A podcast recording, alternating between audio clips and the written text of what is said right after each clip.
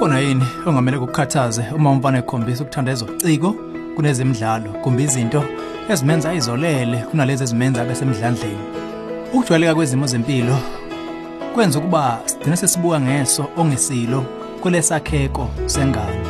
Sizosibhunga namhla lesihloko ngokwezwi ungasuki ohlelweni lwakho ezomndeni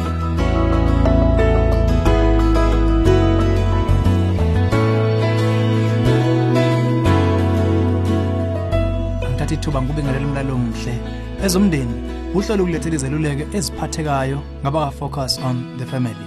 Umama okhathazekile usibhayela umbuzo ngondodana wakhe. Kuhle yini ukuba umfana wami abe ngozolile nozwelayo? Abafana bethu abancane bahlukile. Bese uthi omdala yena uyidlulela nje naye ngokwakhe futhi. Unomsindo uhlale semoyeni nje. Kodwa lo mfowabo yena ona4 yena uyayithulela. Ngeke ngazi ngishe khona endlini. Ngesikhathi lo mdala eba nesikhathi noyise benza izinto ezisindayo zamadoda. Lo mncane uxola ukuba sekhoneni laphaya mthole ebhizi eyidwebela imbali. Ngakube utho lokumele lungikhathaze? Kusemqoqo uqonda ukuthi akekho umfana esingathi ongaqondakaliyo. Lokho inganekwane nje iyafakwa indlela yethu yokucabanga.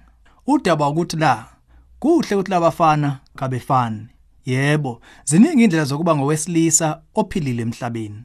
Ngokuzayo uma ukhathazeka ngomfana wakho ngobutasa nokuyidwebela uthole ibhizi edeyidwebele ekhoneni khumbula ukuthi ama-artist abaculi nosonkondlo abaduma umhlaba wonke kwakungamadoda sibala lapho oShakespeare nabaningi. Sesikuphile umlando sisengaqhubeka nohlalo oyibonelo olukhona namanje. Okusikhombisa ukuthi amadoda awefani wonke. Kukhona abenza okuningi okuyimisebenzi ephathekayo bese kuba khona abangabacabangi osomaqhinga ama strategist ngamanye amazwi abajulile ongabala kubo impumpunyela oBill Gates njalo njalo. Njengoba sesichazile ziningi indlela zokuba umuntu wesilisa. Ukubumba abafana kulesi sikhathi esikuso akungakho ukuthi benzani. Okusemqoka ukuthi baya kanjani ekwenzeni lokho abakwenzayo?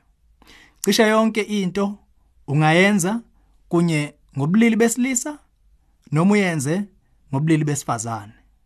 Imvamisa amadoda avamisa ukuba soholweni leadership nasekuyikholelweni angabaqaqi beyinkinga problem solvers. Lokho okucishe kufana nokuba yi-creative artist elisungula izinto. Bakheke ngomqondo ukuthi makwenziwe okumele kwenziwe ngaleso sikhathi bese bakwenze ngongajikela emva kwendlu. Okunye nokuyindikimba bayaqonda ukuthi konke lokumele kwenziwe ngokuzolile nangendlela eqondile. Ingakho indoda yoqobo iyohlala i-gentleman. Iyahlonipha ivikele ikhonze laba abancane nababuthaka kunayo. Indoda yoqobo iyazi ukuthi ikhwepha zayo nomdlandla wayo iugcina kanjani ngaphansi kolawulo lwayo. Njengoba ubheke nesimo sokuzola nokuba ngozwelayo umfana wakho akumeleke wena umenze abe isidlakela kunalokho ukwakho ubuyena ngokomuntu wesilisa ngokwesipho semvelo avese ayiyo. Kungaba ibhadi kobaba ukuphoqa ukufaka into engekho umfana wakhe ngoba nakhe ethi nje uthambile umbone ungumfana othambile. Ukhiya ungakho kuba yini? Kodwa kuba ubaba abe nethuba nendodana baxhumane kulokhu indodana akuthokozelayo. Kusemqoka umkhwena wakho namanye amadoda kuba axhumane nodana wakho kulolu hambo. Khumbula ululeko lwezaga 22 verse 6 luthi khulisa umntwana ngendlela yakuba ngeyakhe kuya kulapho esekhulile angasuki kuyo. Abafana bakwazi ukufaka emshini wobumba yonke ingane ngayinye inendlela yayo. Umzali ohlakaniphile ngowaziyo imvelo ekhethekile yengaphakathi lomfana wakhe nezinto azilubalubekayo ukuze amkhulise ngokwecebo ngqo uNkulunkulu amdala ngalo.